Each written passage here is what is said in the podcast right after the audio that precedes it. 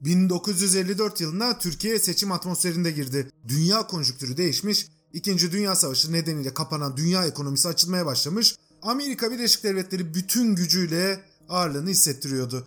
Marshall yardımları tam 16 ülkeye yoğun destek verdi. Destek alan ülkeler arasında Türkiye de vardı.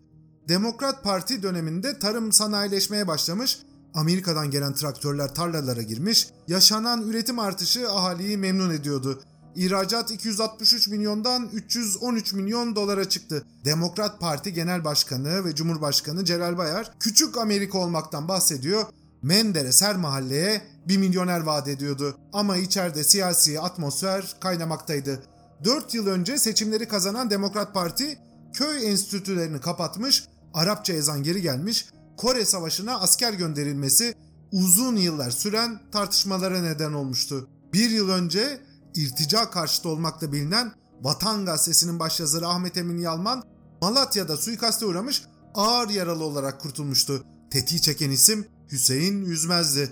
Daha sonra yıllarca Akit gazetesinde başka tetikler çekmeye devam edecek, 14 yaşında bir kıza tecavüz etmekten tutuklanacak, ölümünden 12 gün önce de tahliye edilecekti. Ahmet Emin Yalman suikasti mecliste sert tartışmalara neden oldu. İsmet İnönü ile Adnan Menderes arka arkaya kürsüye çıkıyor, birbirlerine ağır ithamlarda bulunuyordu. Kürsülerde başlayan bu duello ve kutuplaşma kısa zamanda tüm ülkeye yayıldı. 1953 yılı 10 Kasım'ında Atatürk'ün naaşı Anıtkabir'e taşınırken eski dostlar Bayar ve İnönü'nün ağzını bıçak açmayacaktı. Bir ay sonra yani seçimlere birkaç ay kala Demokrat Parti son darbeyi vurmaya hazırlanıyordu. Haksız iktisap yasasıyla CHP'nin tüm mal varlığına el konulması teklif edildi. Tartışmalar çok sert geçti. En sonunda İsmet İnönü kürsüye çıkacak. Tarih kürsüsünden halinizi seyrediyorum diyecekti. Suçluların telaşı içindesiniz. İsmet Paşa kürsüden inip meclisi terk ederken kürsüye çıkan isim Adnan Menderes oldu. Yüzü kıpkırmızıydı. İsmet İnönü dedi, sesi duvarda patlıyordu. Hırsı için bu memleketi ateşe verecek tinette bir adamdır. Artık Türkiye bıçak gibi ikiye ayrılmıştı. Demokrasinin tatlı baharı yerini fırtınalara ve ağır bir tartışma atmosferine bırakıyordu. Genel seçimlere Türkiye işte böyle bir havada gitti. Sandıklar açıldığında herkes şaşkına döndü. Demokrat Parti %58 ile kırılması güç bir rekora imza attı. Ama Adnan Menderes seçimlerde CHP'nin silinip gitmesini umuyordu. Ekonomi iyi gidiyor, atılan adımlar destek görüyordu. Seçim sonuçlarını alınca yüzü düştü. Yakın arkadaşı Demokrat Partili bir milletvekiline şakayı bırak dedi. Adamlar %35 oy aldı. CHP saflarında ise bir hezimet şoku vardı. Demokrat Parti %58 ile tam 503 milletvekili çıkartırken %35 oy alan CHP sadece 31 milletvekili çıkartabilmişti. Demokrat Parti meclisin %93'ünü kontrol ediyordu. Herkesin aklında geçmişin istibdat dönemlerinin acı hatırası vardı. İttihat ve Terakki döneminde ve daha öncesinde görülen hastalıklar yeniden ortaya çıkmış. İktidara sahip olanlar iktidar gücüyle her şeyi yapmaya hakları olduğunu düşünüyor. Rakiplerini düşman ve hain olmakla suçluyor. Kör topal demokrasi oyunu bir kez daha çatışmaya sürükleniyor. Kışlalarda kaynıyordu. Menderes millete de öfkeliydi. Genel olarak milletin oy verdiği istikametten ayrılmakla suçladığı illeri cezalandırmaya başladı. Azılı muhalif Osman Bölükbaşı'nın milletvekili seçildiği Kırşehir ilçe haline getirildi. İsmet İnönü'nün kalesi Malatya ikiye bölündü. Adıyaman ili kuruldu. Aynı yıl Menderes'in ikiye böldüğü Malatya'nın Ermenilerin de yaşadığı Alevi mahallesi Çavuşoğlu'nda bir evde Terzi Haşim diye bilinen Sarkis ile karısı Gülvart ilk çocuklarına merhaba dediler. Adına canlı ateş koydular. Hrant. Yaşadıkları hayata sıcaklık ve ısı getirsin diye. İkişer yıl arayla iki erkek kardeşi daha doğdu. Ama Malatya'da uzun süre kalamadılar. Babasının kumar alışkanlığı ve borçları nedeniyle ailenin başı belaya girmişti. İstanbul'a kaçtılar. Birkaç ay sonra da Gülvart ile Sarkis ayrıldı. Ayrılmaları da olaylı oldu. Hrant 7 yaşında sokakta iki küçük kardeşiyle dayısının evinin önündeydi. Bir tarafta annesi, anneannesi, yengesi pencereden bağırıyor. Babana git diyorlardı. Sokağın diğer köşesinde babası vardı. Cevap verdi. Annenize gidin. Çocuklar ne yapacaklarını bilmiyordu. Ortada kalmışlardı. Birden ağlayarak sokağın ters tarafına doğru koştular. Üç gün sonra Kumkapı'da bir balıkçı sepetinin içinde bulunduklarında birbirlerine sarılmış aç bir ilaç uyuyorlardı. Gedikpaşa'daki Ermeni Protestan Kilisesi'nin yetimhanesine yerleştirildiler. Okula da burada başlayacak, eğitimlerini işte burada alacaklardı.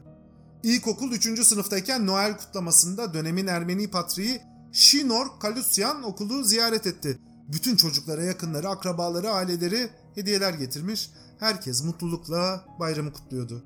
Bu üç küçük kardeşe ise gelen kimse yoktu. Ne bir akraba ne aileden biri. Bir köşeye çekildiler. Birbirlerine sarıldılar. Ağlamaya başladılar. Geçen üç yıl onlara ağır gelmişti. Seslerini yine Patrick Kalusyan duydu. Yanlarına gitti. Çocuklara sarıldı. Onları sevdi. Sonra gözyaşlarını silerken Hrant'a döndü. Bak oğlum dedi. Ben senin babanım. Sen de kardeşlerine babalık yapacaksın. Belki bir boşluk dolmuş, Hrant'a yeni bir enerji gelmişti. Yıllar sonra o günleri şöyle anlatacaktı. Yetimhanede masaları biz dizer, bulaşığımızı biz yıkar, bahçemize biz bakar, tuvaletlerimizi kendimiz temizlerdik. Hepimiz 7 ile 12 yaşları arasındaydık. Yetimhane bana bıkmadan çalışma ve kol emeği alışkanlığı kazandırdı.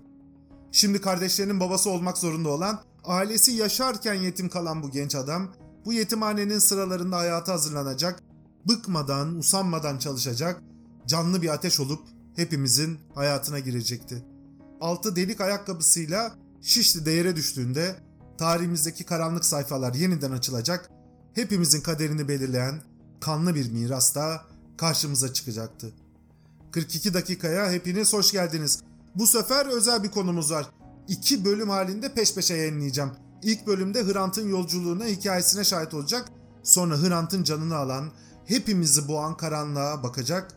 Derin devlet denilen yapıları, onları üreten mekanizmaları anlamaya çalışacak.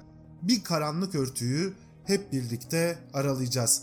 Eğer bölümü sevdiyseniz lütfen paylaşmayı, Spotify, Google, Apple veya kendi takip ettiğiniz podcast uygulamasından takip etmeyi unutmayın. Sorularınız, mesajlarınız veya görüşleriniz için 42 dakika diye aratıp Instagram'dan bana ulaşabilirsiniz. Ufak bir haber vermiş olalım. Bir Patreon hesabı açtım. 42 dakikaya buradan destek verebilir, özel bölümlere, bölüm notlarına erişebilir. Ayda bir yapacağımız canlı toplantılara katılabilirsiniz. Desteğiniz çok değerli, çok kıymetli. Podcast'in de devam etmesi sizin gibi insanların desteğiyle mümkün oluyor. Şimdiden teşekkür ederim. Evet, biz Ermenilerin bu topraklarda gözümüz var. Var çünkü kökümüz burada. Ama merak etmeyin. Bu toprakları alıp gitmek için değil. Bu toprakların gelip dibine girmek için. Teşekkür ederim.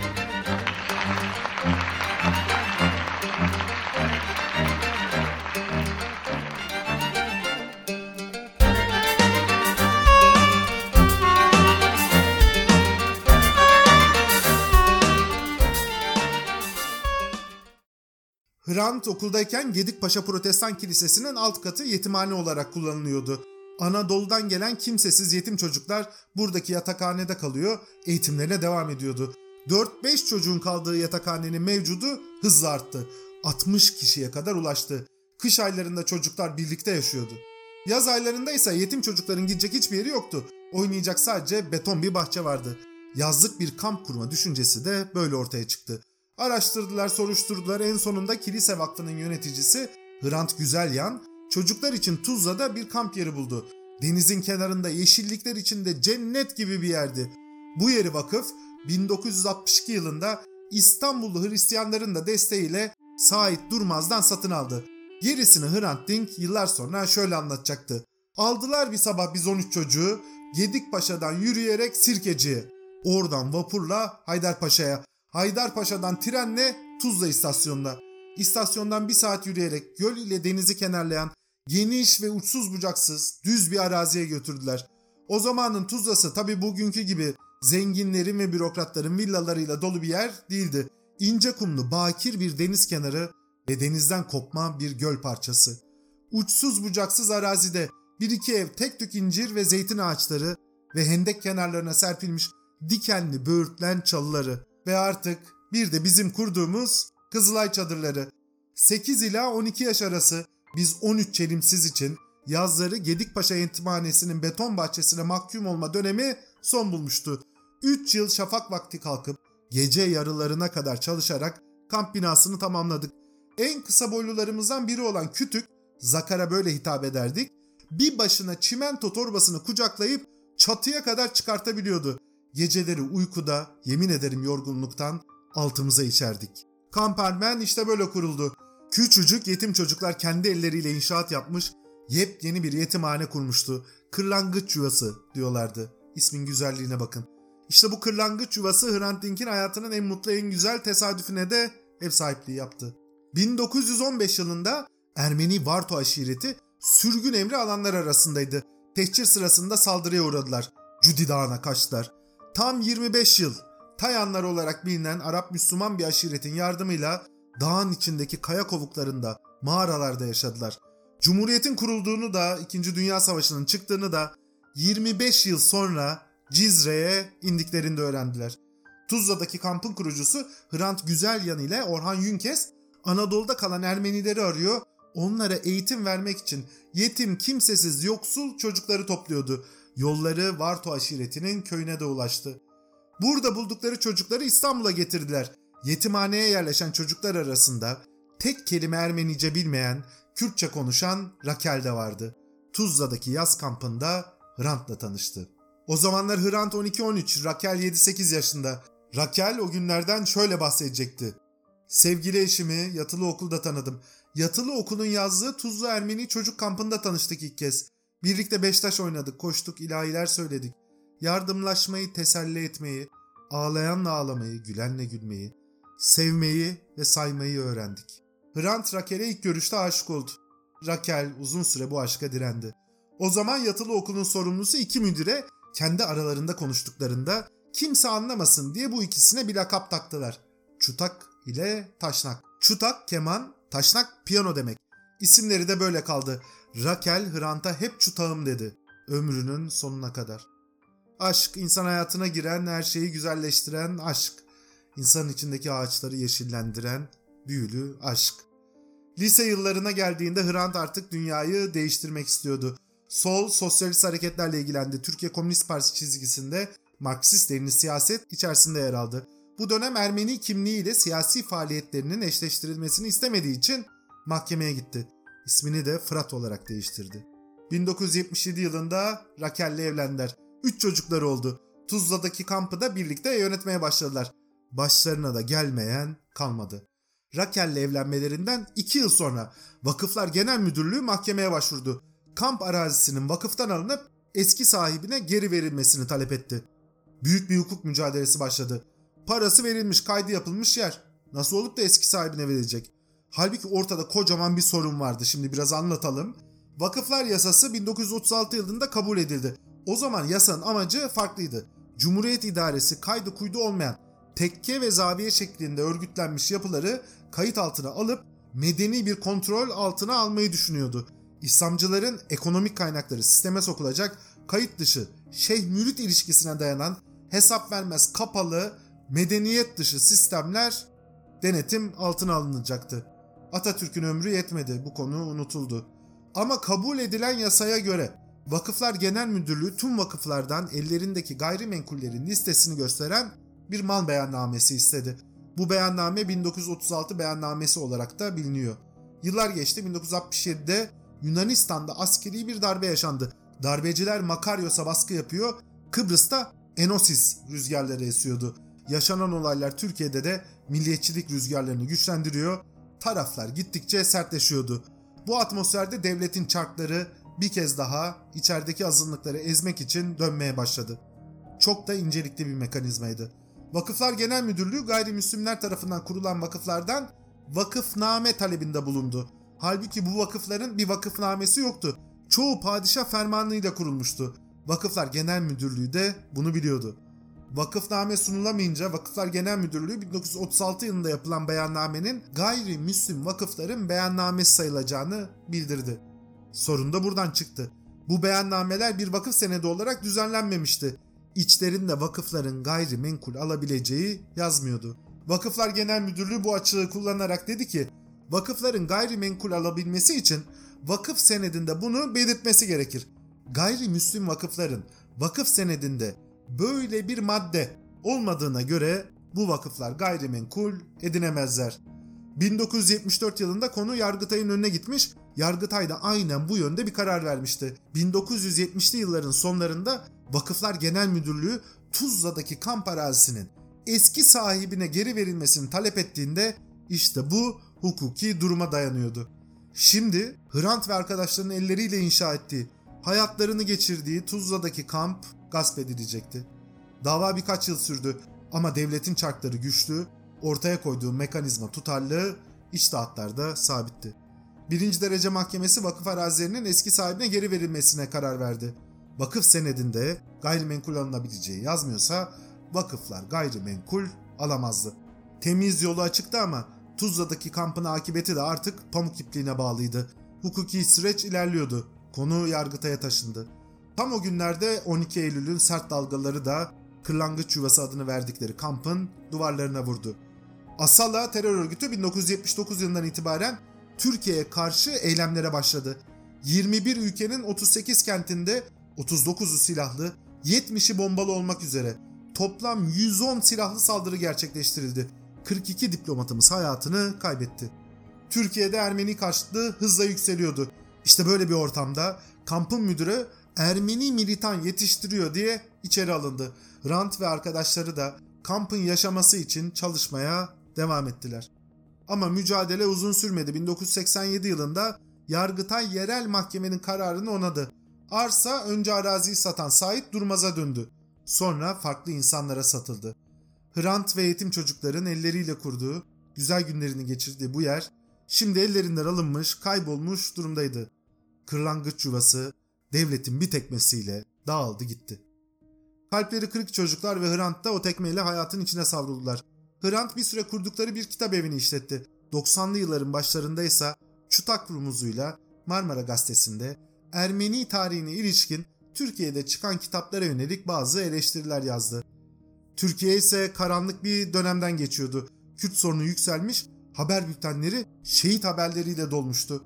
Kürt sorununun demokratikleşmeyle çözülmesini isteyen, Paris şartına referans veren iktidar yapısı da değişmişti. 1993 yılı Pike bölümünde gördük, karanlık bir yıldı. Kürt sorunu nasıl çözülmez raporunu yazan Adnan Kahveci hayatını kaybetti.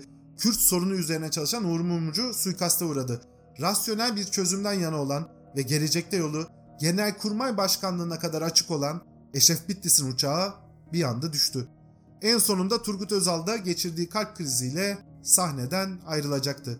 Şimdi Cumhurbaşkanlığına Demirel seçilmiş, Başbakanlık koltuğuna da Tansu Çiller oturmuştu. Mehmet Ağar Emniyet Genel Müdürü olarak atandı. Artık sahne Abdullah Çatlılar, Veli Küçükler, Korkut Ekenleri açılmıştı. İktidar sözcüleri devlet bazen rutin dışından çıkabilir diyor. Demokratikleşme, barış gibi kelimeler demir bir pençeyle eziliyordu.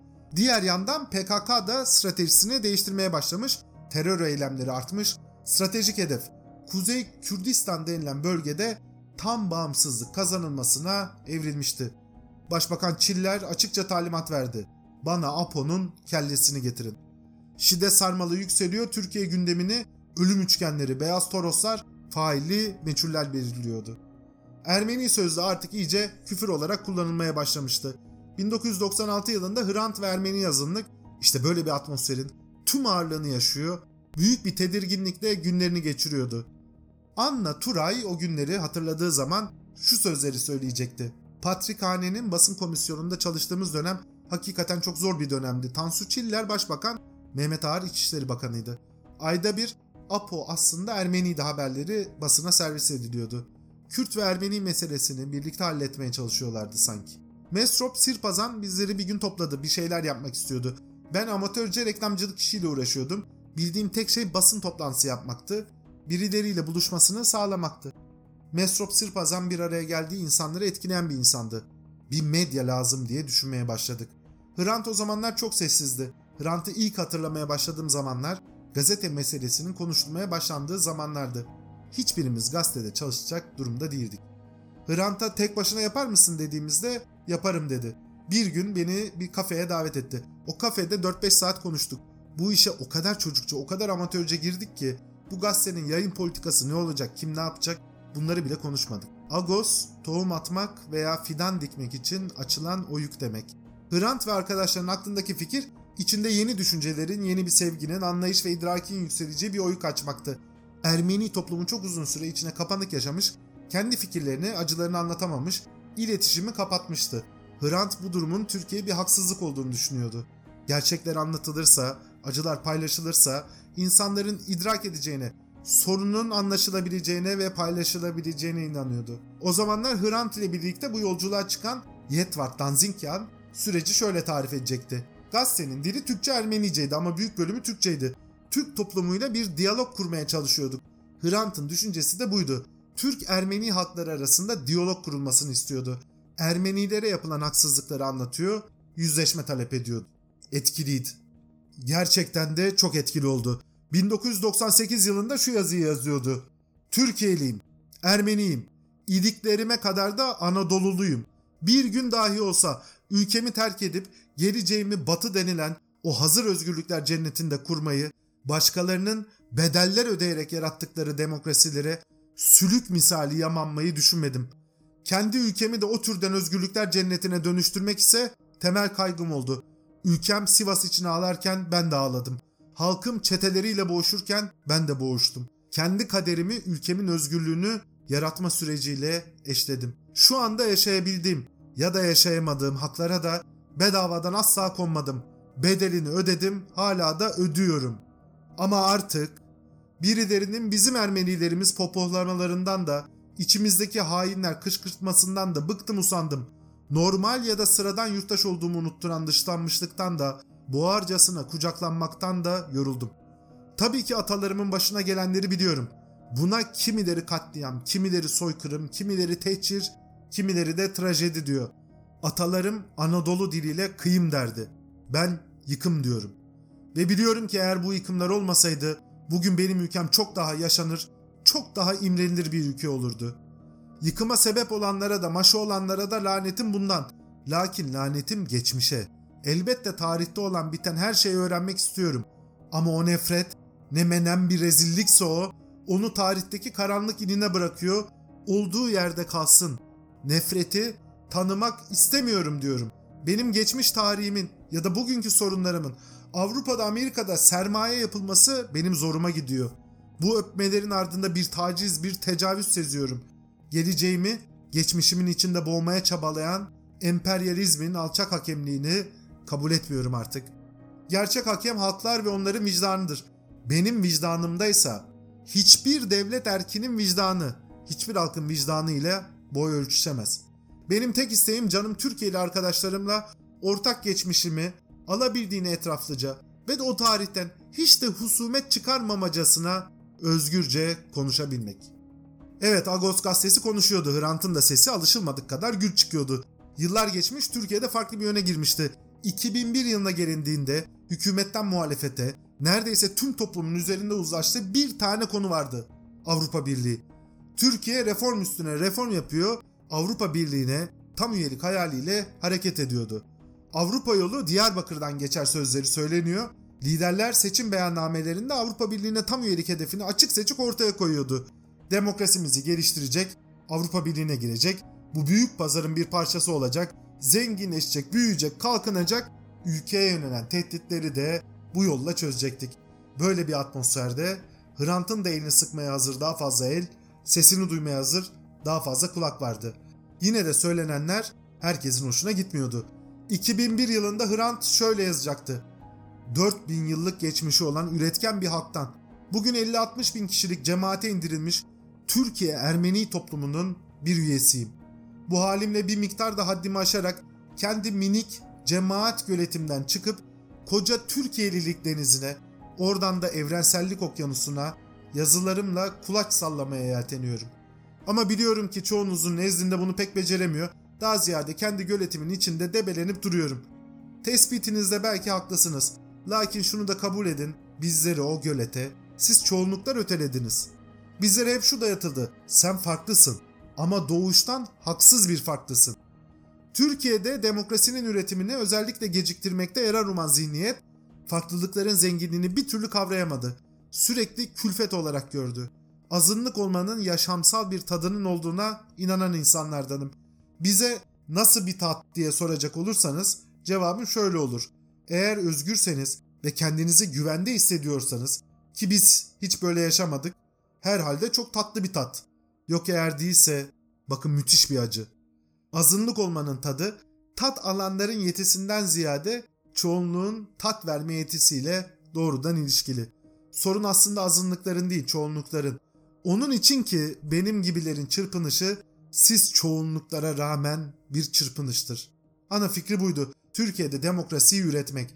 Hiçbir azınlığın, hiçbir çoğunluk karşısında kendini tedirgin hissetmediği, kendi ülkesinde güven ve huzur içinde yaşadığı bir demokrasi. Böyle bir demokraside çoğunluk da en sonunda huzur içinde yaşayacak, geçmişin zincirlerinden kurtulacak, ileriye doğru bir adım atacaktı. Bunun yolunun iletişim olduğuna inanıyordu. Anlatırsa anlayacak, nefreti, ön yargıları bir kenara bırakacak milyonlar vardı. O bu yazıları yazarken farklı bir mekanikte işlemeye başladı. Devletin içindeki unsurlar harekete geçti. 2002 yılında yapılan seçimlerde AKP iktidara gelmiş, müesses nizam ile sonradan gittikçe şiddetlenecek olan bilek güreşine başlamıştı. O zamanlar Erdoğan eşcinsel haklarından bahsediyor, Avrupa Birliği'ne tam üyelik hedefini sahipleniyor. Hatta 2004 yılında tam üyelik takvimi alındığında Ankara'da gündüz gözüyle havai fişek kutlamaları yapılıyordu. Melik Gökçek her zaman kendi farkını gördüğünüz gibi gösteren bir insan. Hrant'ın yazıları da bu bilek güreşinin tam ortasına denk geldi. 6 Şubat 2004. Ağustos'ta yayınlanan bir haberde Atatürk'ün manevi kızı Sabiha Gökçen'in yetimhaneden alınmış bir Ermeni kızı olduğu yayınlandı. Hikaye şöyleydi. 17 Temmuz 1915 Talat Paşa'nın başlattığı Ermeni tehcirinde sıra Antep'te. Cibin köylü Sebiciyan ailesi yaklaşık 1500 kişilik kafileyle Halep'e doğru yola çıkar. İlk durak Antep'e vardıklarında anne Meryem 4 çocukla yola dayanamazsın. Kızları burada bırak uyarısıyla 6 yaşındaki Dirihu ile 2 yaşındaki Hatun'u Amerikan merkezi Türkiye Koleji yetimhanesine teslim eder. 30 Ekim 1918 Mondros mütarekesinden sonra Sebiciyan ailesi geri döner. Meryem Sebiciyan kızlarını almak için Amerikan yetimhanesine gittiğinde şoka uğrar. Yetimhane yetkilileri Küçük Hatun'un kaçırıldığını, her yere İstanbul'daki patrikhaneye bile başvurdukları halde sonuç alamadıklarını, en sonunda kızcağızın Mustafa Kemal Paşa'nın yanında olduğunu öğrendiklerini söyler. Antep Ermenileri Fransızlarla yapılan ve Antep'i Ankara hükümetine terk eden Aralık 1921 anlaşmasından sonra yeniden Suriye yolunu tutar. Küçük Hatun'un ortadan kaybolmasıyla bir ferde eksilen Sebilciyan ailesi Halep'e yerleşir. Baba Nerses 5 yıl sonra ölür. Yıllar sonra Hatun'un adını sayıklaya sayıklaya annesi de hayata gözlerini yumar. Anne Meryem'in Halep'teki yeni 1955'te araya sonra izini bulduğu Hatun'la temas kurar. Gelir Türkiye'de bulur, görüşür, birlikte fotoğraf bile çektirir. Hatun ona yüklü bir para verir. Parayla ve şimdi sahip olduğu sırla Halep'e dönen Abraham iki biçer döver satın alıp çiftçiliğe başlar. Ama sır kısa süre sonra açığa çıkar. Abraham'ın gelip bulduğu kuzeni Hatun, Atatürk'ün manevi kızı Sabiha Gökçen'dir. Biz bunları 50 yıl sonra Dirihu'nun kızı Hiripsime'nin Sabiha Gökçen teyzemdi. Adı da Hatun Sebilciyan'dı açıklamasıyla öğrendik. Haber bomba gibi patladı. Genelkurmay Başkanlığı sert bir açıklama yapıp Sabiha Gökçen'in Ermeni olduğu iddialarını reddetti. Bir gün sonra da Hrant Dink İstanbul Valiliğine çağrıldı. O olayı Hrant şöyle anlatacaktı. O gece çok rahat değildim. Ertesi gün muhakkak bir şeyler olacağını seziyordum. Nitekim tecrübelerim ve sezgilerim beni yanıltmadı. Ertesi gün sabahın erken saatinde çaldı telefonum. İstanbul vali yardımcılarından biri arıyordu. Sert bir tonla habere ilişkin elimdeki belgelerle valiliğe beklediğini bildirdi. Gittim. Hayli nazikti vali yardımcısı. İçeri buyur etti. Odasında bir bayan iki kişi daha oturuyordu. Hiç beklemeden girişi yaptı vali yardımcısı. Rant Bey dedi. Siz tecrübeli bir gazetecisiniz. Daha dikkatli haber yapmanız gerekmez mi? Sonra canım böyle haberlere ne gerek var? Vali yardımcısının bu girişte başladığı sohbete odadaki misafirlerden erkek olan katıldı ve ondan sonra zaten sözü bir daha başkasına bırakmadı. Dikkatli olmamı, ülkeyi ve ortamı gelecek girişimlerden kaçınmamı telkin etti. Konuşmaların içeriğinden beni hangi amaçla oraya çağırdığı zaten belliydi. Haddimi bilmeliydim. Dikkatli olmalıydım. Yoksa, yoksa iyi olmazdı. Daha sonra görüşmeye katılan iki ismin MIT mensubu olduğu ortaya çıktı. Sonrası da hakikaten iyi olmadı. Görüşmeden iki gün sonra Agos gazetesi önünde yapılan gösteride Ülke Ocakları İstanbul İl Başkanı Levent Temiz grup adına Hrant Dink bundan sonra bütün öfkemizin ve nefretimizin hedefidir. Hedefimizdir şeklinde bir açıklama yaptı. Birkaç gün sonra asılsız Ermeni iddialarıyla Mücadele Federasyonu sahneye çıktı. Agos önünde bir gösteri yapıldı. Bu olayların hemen ardından da tek elden çıkmış dilekçelerle Hrant Dink savcılığa şikayet edildi. Gazeteciler de kervana katıldılar. Hasan Pulur, Türkçeyi çok iyi bildiği anlaşılan Hrant Dink, acaba aba altından sopa göstermek deyimini duydu mu diye soruyordu. Orhan Kiverlioğlu Hrant'ın hırlayışları başlıklı bir yazı yazdı. Yazıda Agos patlamış bir kanalizasyona benzetiliyor. Hrant Dink içinse Darwin'i haklı çıkartan ilk ve tek numune varlık olarak maymun genlerini taşıyan ruhunun aksettiği suratı karşısında orangutan maymununun dahi tiksinti duyduğu Hrant Dink diyordu. 2004 yılında bu sefer Hrant'ın bir başka yazısında yer alan bir ifade onu tam olarak hedef tahtasına oturttu. Türk'ten boşalacak o zehirli kanın yerini dolduracak temiz kan, Ermeni'nin Ermenistan'la kuracağı asil damarda mevcuttur. Yeter ki bu mevcudiyetin farkında olunsun. Halbuki tam 8 makaleden oluşan bir diziydi. Bu dizide Hrant Ermenistan'ın üstüne sorumluluk düştüğünü, Ermenilerin Ermenistan'la bağlantı kurması halinde bu nefretin yerini başka bir duyguya bırakabileceğini öne sürüyordu. Ermenilerdeki Türk algısı ve diaspora Ermenilerinin 1915'te yaşananların Türkler tarafından soykırım olarak tanınması yönündeki çabasının saplantılı olduğunu söylüyor, bunu iletişim kanallarını kapatan bir zehir olarak görüyordu. Zehirden kastı işte buydu. Okuyan herkes anlardı. Oysa o günlerde bu yazıyı gündeme getirenlerin ne okumaya niyeti vardı ne de anlamaya. Hakkında davalar açıldı. 2005 yılında Hrant Dink 1. derece mahkemesi tarafından mahkum edildi. Konu Yargıtay'a taşındı. Hrant Dink bir açıklama yaptı. Bana isnat edilen bu suç benim algılamamla ırkçılıktır ve ben böyle bir suç işlemedim. Bu benim alnıma sürülmek istenen kara bir lekedir. Yargı eğer bunu düzeltmezse ülkemi terk eder, çeker giderim. Irkçılık suçu işleyen birinin birlikte yaşayacağı insanların yüzüne bakamayacağına inanıyordu. Asla böyle bir suç işlememişti. Mahkeme hatalı bir karar vermiş olabilirdi ama suçsuz olduğu mutlaka ortaya çıkacaktı. 2006 yılına kadar Hrant Dink sayısız tehdit ve saldırıya maruz kaldı. Bu yıl önce Trabzon'da Rahip Santoro cinayeti işlendi. 16 yaşında bir çocuk misyoner faaliyetlerde bulunduğu gerekçesiyle 61 yaşındaki Rahip Santoro'yu öldürdü. Milliyetçi dalga gittikçe kabarıyordu. Bu dönemde yeni bir grup da ortaya çıktı. Büyük Hukukçular Birliği isimli bu grup sayısız yazar, düşünür ve aydın hakkında ardı arkasına Türklüğü aşağılamaktan suç duyurusunda bulunuyor. Grubun lideri Kemal Kerinsiz isimli bir avukat da sürekli manşetlere taşınıyordu. Eylemlere 90'lı yıllara damgasını vuran JITEM'in kurucusu Veli Küçük, aynı gruba mensup Oktay Yıldırım, Muzaffer Tekin gibi isimler de katılıyordu. 90'lı yılların ikinci yarısından sonra gücünü kaybeden ve arka plana itilen ekip yeniden sahneye çıkıyordu. Drejali, Sedat Peker, Sami Hoştan gibi Susurluk dosyasının aktörleri, Kuvayi Milliye Dernekleri kuran emekli albaylar, Sevgi Eren Erol gibi isimler medya gündemine çıkıyor, tehditler savuruyor, hedef gösteriyordu. Hrant Dink de bu ortamda aynı gruplar tarafından saldırıya uğruyor, tehditlere maruz kalıyordu. Halbuki savcılık bile yazılan yazıda 301. madde anlamında bir suç işlenmediğini, Türklüğün aşağılanmadığını ifade ediyor, beraat talep ediyordu. Buna rağmen Yargıtay 1 Mayıs tarihinde verilen cezayı onladı. 4 gün sonra Cumhuriyet Gazetesi'ne bir bomba atıldı, patlamadı. 10 Mayıs'ta bir bomba daha atıldı. Bu bomba da patlamadı. Bir gün sonra üçüncü kez bir bomba daha atıldı. İşte bu bomba patladı. Cumhuriyet Gazetesi'ne yapılan saldırının daha öfkesi bitmeden 17 Mayıs'ta Türkiye bu sefer Danıştay saldırısıyla sallandı. Alparslan Aslan isimli bir avukat Danıştay'a girmiş. Danıştay 2. Daire Başkanı Mustafa Yücel Özbilgin'i öldürmüş, 4 üyeyi de yaralamıştı. Saldırıya tepki çok büyük oldu. Ankara'da toplanan kalabalık bir grup önce Anıtkabir'i ziyaret etti. Sonra Yücel Özbilgin'in cenazesine katıldı.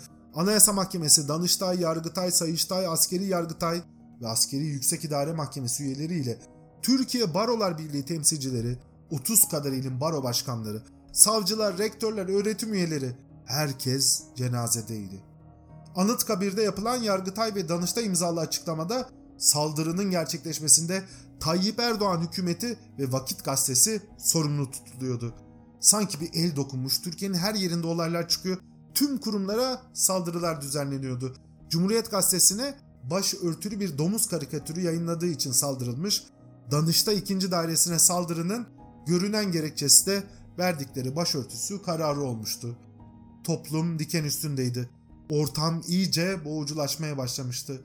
Hrant da bu boğucu ortamın içinde eski Susurluk üyelerinin, derin devlet diye bilinen insanların hedefi oluyordu. Hakkında açılan bir davanın duruşmasını takip edenler arasında Oktay Yıldırım, Veli Küçük, Sevgi Erenerol, Kemal Kerinçsiz vardı. Adliyenin bir grup, üzerinde misyoner çocuğu Hrant, Türk Ermenilerinin huzurunu bozma, Hrant, yediğin ekmeğe ihanet etme şeklinde pankartlar açtı. Hrant Dink duruşmada fiziki saldırıya da uğradı. Kendini zor kurtardı. Olaylar tırmanıyordu. 26 Mayıs'ta bir gazetede yeni bir haber yayınlandı. Ermenileri öldürecektik başlıklı haberde.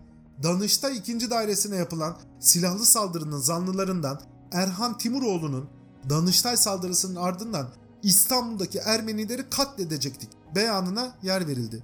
Bu haber üzerine Hrant kayıtsız kalmayın başlıklı bir yazı yazdı. Adalet Bakanı'nı devlet yetkilerini göreve davet etti. Ama daveti cevapsız kaldı.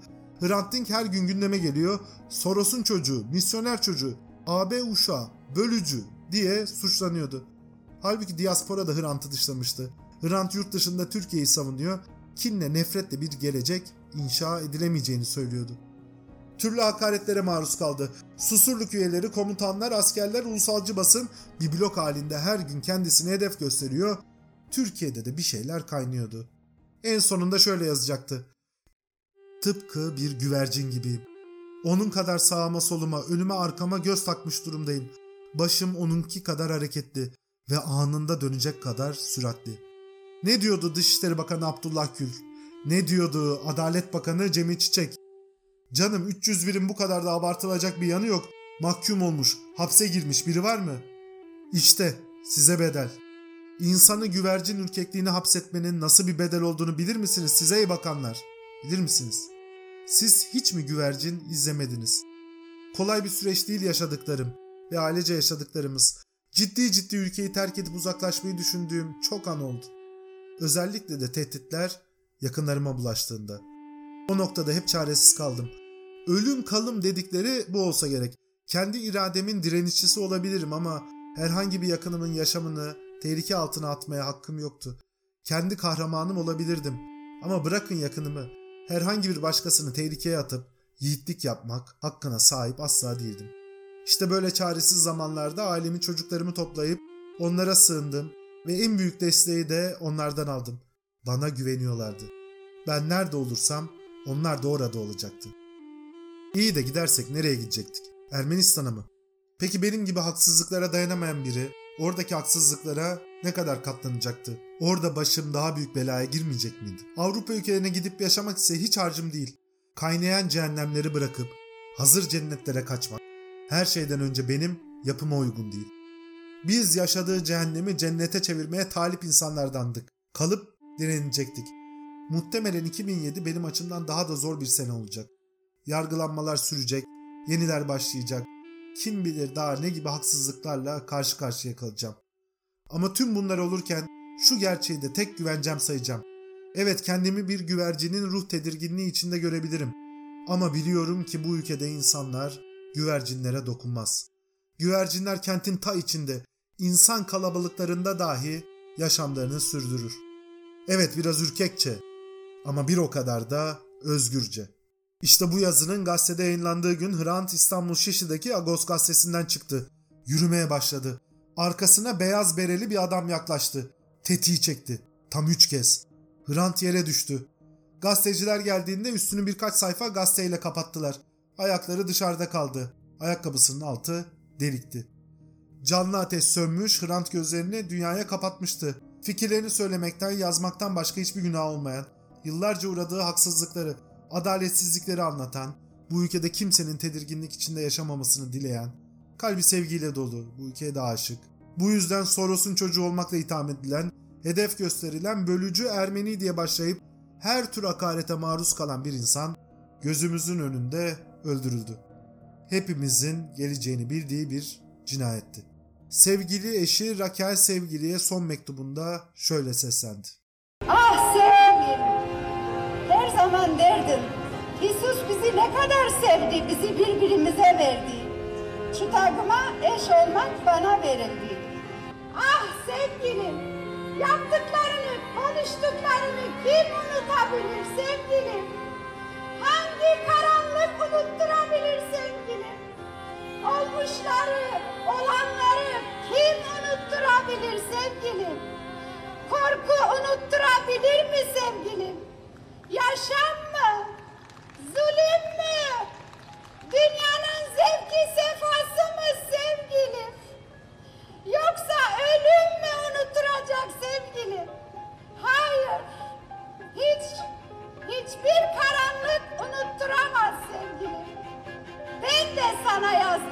Mektubunu sevgilim.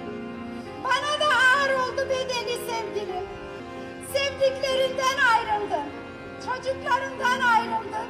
Torunlarından ayrıldın. Sizlerden ayrıldı. Kucağımdan ayrıldı. Ülkenden ayrılmadın sevgilim. Evet ülkesinden ayrılmadı. Ama Hrant 15 yıldır yattığı yerde duruyor.